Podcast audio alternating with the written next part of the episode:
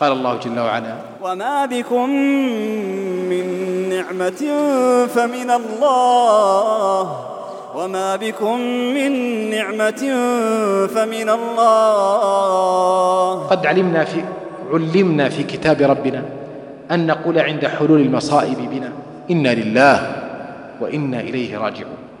يقول ابن القيم رحمه الله وهذه الكلمة من أبلغ علاج المصاب. وأنفعه له في عاجلته وآجلته فإنها تتضمن أصلين عظيمين. إذا تحقق العبد بمعرفتهما تسلى عن مصيبته. آحادهما أن العبد وأهله وماله ملك لله وقد جعل عند العبد عاريا وأيضا فإنه محفوف بعدمين عدم قبله وعدم بعده حتى يكون ملكه حقيقة. ولا هو الذي يحفظه من الآفات بعد وجوده ولا يبقي عليه وجوده فليس له فيه تأثير وليس ولا ملك حقيقي. إذا فالذي بيدك ليس لك إنما هو لله فعلى أي شيء تحزن؟